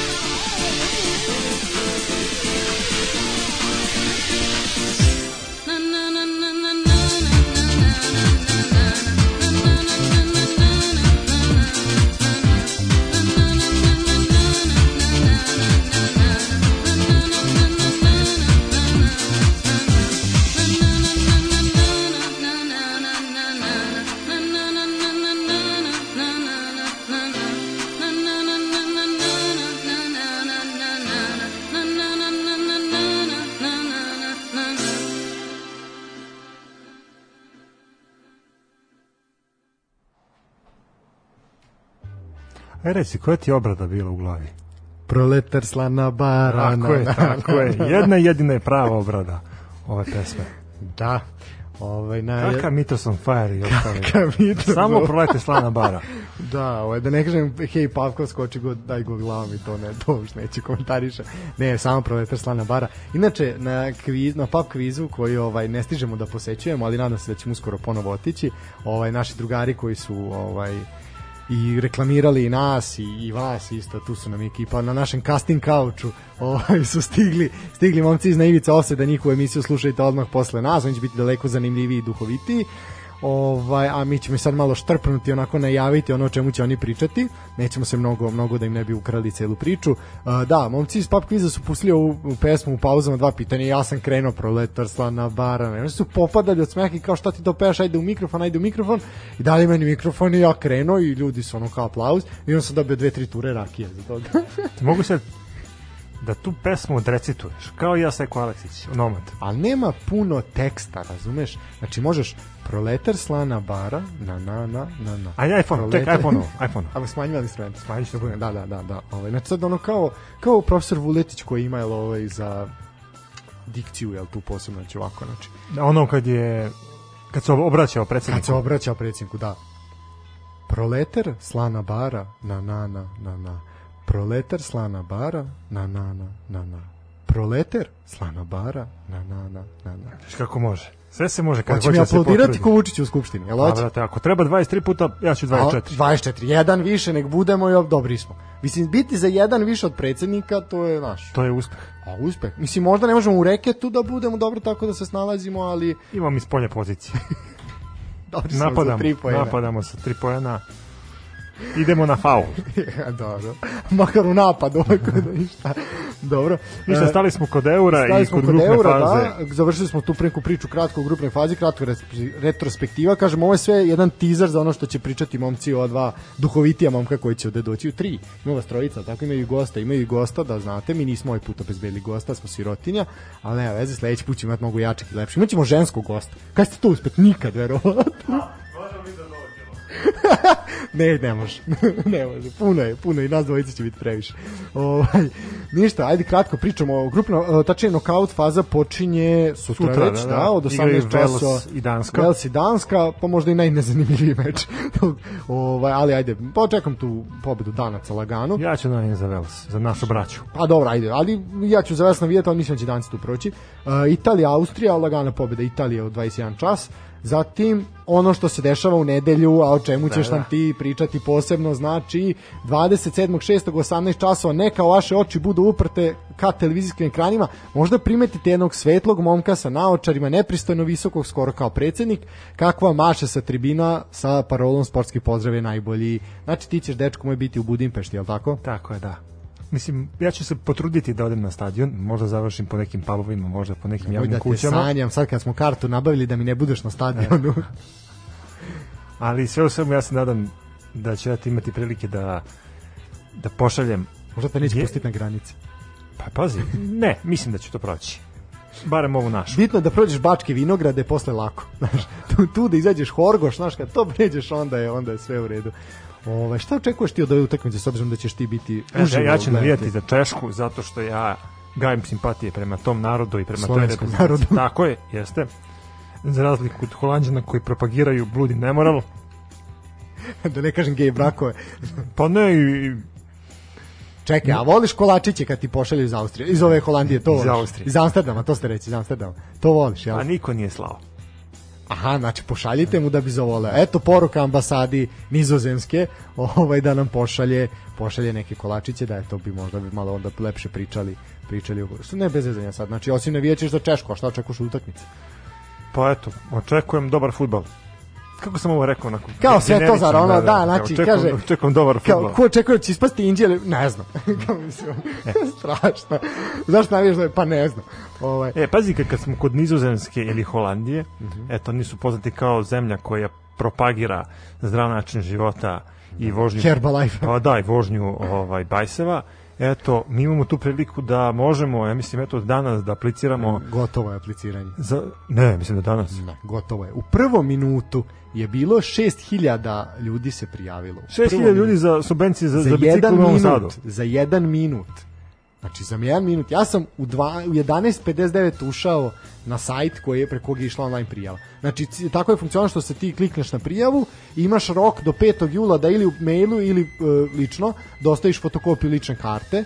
O, o, sad da li očitanu ili fotokopiju ko kako ima. Ovaj ja sam ušao u 12.02 prijava je bila završena. I onda sam posle pročitao u novinama da je već u 12.01 bilo 6000 prijavljenih, a samo 900 subvencija se delilo. Ništa, ići ćemo na kvantaž, na najlon. Pa da, tamo naš deca iz Niša plaču za tim biciklima, mi ćemo ih kupiti na najlonu za 100 evra. Bože moj. pa da. Parola snađi se. Pa naravno. Ove, dok nama isto neko ne ukrade, pa ćemo da mi plakati. I to tako E, pa ne, ja ću da nabavim dobar lanac. A misliš da, pa ženu možeš vezati lancem za radijator, bicikl ne možeš. Znaš, to je problem. Ali dobro. Ajmo dalje. E, Belgija, Portugal igra s istog dana. E, ja ću navijati za Belgijance Isto. Isto. slažem zbog čokolade. Pa te sa... Skromela Lukaku u napadu. da. Ovaj, e, Hrvatska, Španija, u, to će biti zanimljiva utakmica. To se igra 28. od 18 časova, pa navijat ćemo za braću, za braću ove Hrvate. Špance. ne, nek za Hrvate. Španci nisu priznali Kosovo. Pa što ko kaže da Hrvati jesu. Jesu? Nisu priznali su. Pa dobro, ali treba da priznaju. Mislim, šta je sporno? Ne, tu ne vidim ja ništa sporno.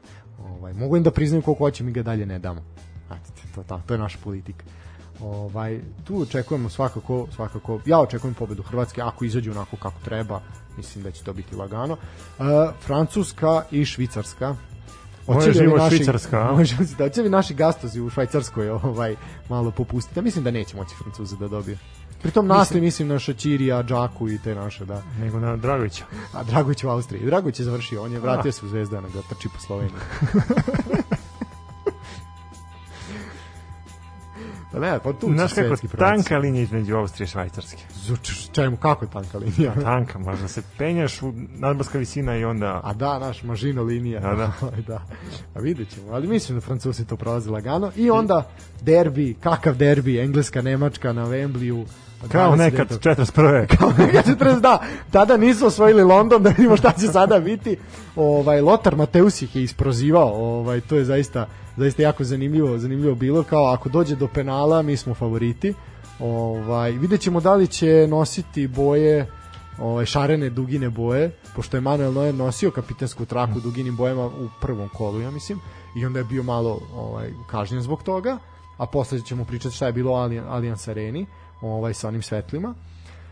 Ovde će biti jako zanimljivo i sad jedni i drugi igraju promenljivo, smo Engleska je dala samo dva gola u grupnoj fazi, Nemci su pff, onako protiv Mađara se pošteno namučili, biće tu, biće tu zaista svega i onako ne bi čudilo čak i onako da Englezi, Englezi ne dočekaju finale, finale ili polufinale na Wembleyu. Dobro, ja mislim ipak da će Englezi ovo drugačije spremiti, mislim da će mnogo više pažnje posvetiti ovoj utakmici. Misliš da nisu hteli da zapinju u grupnoj fazi? Pa mislim da, da su znali da je grupna faza samo pretigra za ono što sledi. Aha. Predigra. Ali vidi, predigra mora biti dobra. Znaš, ne može, ako predigra nije dugačka, onda ni ovo ostalo, znaš. Mora predigra biti dugačka da bi teren bio vlažan, da onda... Gla, Ne, ja sam više za to da predigra bude kraća, Ali ne može znači onda, samo, znaš, samo malo ne- da se, da se, da se zagreješ i onda kada treba udri u meso. Ali onda tu je naš, onda tu je crveni karton se obično javlja jer je to pregruba igra, onda razumeš. Moraš biti kad ovako malo klizi lopta, onda tu nećeš dobiti, onda ti sudija progleda kroz prst. Šta da ti kažem, ja ću za, za Engleze. Jednostavno ne volim Nemce kao narod. Dobro, kad nam budu ovi što uplaćuju pare iz Nemačke, onda ćete O, pitati, dobro, dobro. Eto. onda ćete pitati da li ti valja ili ti ne valja. A, što Ili ako tiče- me budu pozvali da radim za njih, onda vidjet ćemo. onda ću, za, bit, bit će oprostiti mi A, moju da. ružnu prošlost. Ne, onda ću da pevam Danke Deutschland. Dobro, i poslednja utakmica osmine finala, svakako Švedska, Ukrajina. E, to, to je jako zajebano. Jeste, A reći ti da. zašto je zajebano? Zato što obe selekcije nose iste boje dresova. Tako je, to Samo. je jedno. I obe selekcije po, imaju podršku plavih i grudno obdarenih navijačica, da to je isto ozbiljan problem. Da, mislim, eto, šteta što ne ideš na ovu utakmicu, nego ideš Stvarno, idem da gledam tamo Našao si šta ćeš nizozemsku. da kao Prvo, čovjek prvo ne mogu da kažem da se zove Holandija, nego moram nizozemsku. Tu ne znaš što će reći Holandija, evo te tužit ćete neko, će završiti u zatvoru. Završit ću u Hagu. Pa- Među svoje. među svoje, pa igrati šak tamo sa mladićem. Da, da, pitaćete onda. Dobro, e, to je to u suštini neke naše... Igraćemo čoveče na ljuti se. Šta misliš ko će proći, Švedska ili Ukrajina? Biće gusto, a? Biće. Biće golova. Ali eto, navijat ću za Ševčenkovu ekipu. Ovako zanimljivo. Ajde, pa može se reći. Ajde, ja ću vijeti za Švedsku, ajde, budemo. Dobro, Da, ajde, može, može. Samo s ti meni vrati iz Budimpešte, samo ostalo će biti u redu. Uh, ajmo, znači, UEFA zabranila Nemcima da ofarbaju Allianz Arenu. Allianz Arena poznata da menja boje ovaj, shodno prilikama, ali eto, nisu smeli u dugine boje. Nisu, ali naš most duga može. A duga može. Ovaj, ali dobro, pa dobro, ipak smo mi izgleda veća Evropa nego oni. Mi smo stvarno, znači, ponekad veća Evropa nego Evropska unija. Pa dok je Srbi na dvoru srebrnom viljuškom, jel, oni su rukama jeli, sećamo se svi toga. Ovaj, predlog gradonačelnika Mihena Ditera Reitera stigao je uoči utakmice sa mađarskom reprezentacijom iz zemlje koje su prava homoseksualaca gotovo kriminalizovana i to je trebalo da predstavlja znak tolerancije. Međutim, organizatori Eura to ne žele, a Nemcima su objasnili zašto svih 11 stadiona širom kontinenta na kojima se igraju utakmice mogu da budu samo u bojama UEFA i nacija koji učestvuju na turniru. E, kako se onda to su odg- odgovorili su navijači tako što su uneli boje duginih, e, zastave duginih boja na teren, Da, da. na, na tribine, tako je i mahali su, mahali su sa njima dok nije počeo pljusak, onda su se tim zastavama pokrivali. Oni su zapravo e, obojili na kraju, na kraju je arena bila u bojama Da, LGBT zajednice, ali to je bilo 28 pardon, juna kada nije bilo nikakvih utakmica u Minhenu, ali eto, kao ipak su poslali, poslali neku poruku. Znači, ovaj put je UEFA mafija, nije, nisu krivi Nemci. Znači, Čeferin je usro stvar. I opet neki naš. I opet nek, pa na, da, da, će uvek je neki naš problem. Uh, kad smo kod naših, Jugoslavijan banditen. da. Kad smo kod naših, imaćemo goste, imaćemo goste iz uh, Belorusije, iz još jedne čudne zemlje u najmanju ruku. E, šta se dešava? Potvrđeno je da će revanš utakmica prvog kola kvalifikacije za Ligu šampiona između Beloruskog šaktora i Soligorska, kojeg ste za vreme korone imali priliku da gledate na sport klubu jedno 30 puta, i Bugarskog Ludogoreca biti odigrana 13. jula na Banovom brdu. U pitanju je revanš meč, znači prvi meč se igra 7. jula u Razgradu, znači domaćini su Bugari od 19 časova, a eto na Banovom brdu Beograđani će imati priliku da pozdrave Šaktor i Soligorska, koji će eto privremeno pronaći ovaj utočište u Srbiji, u Beogradu. E, zašto, šta se tu dešava usled političkih dešavanja i previranja koje se trenutno dešavaju u Belorusiji? E, problem je što je tu neki uhapšen neki bloger, neki Roman Protasević koji je pisao tamo svašta.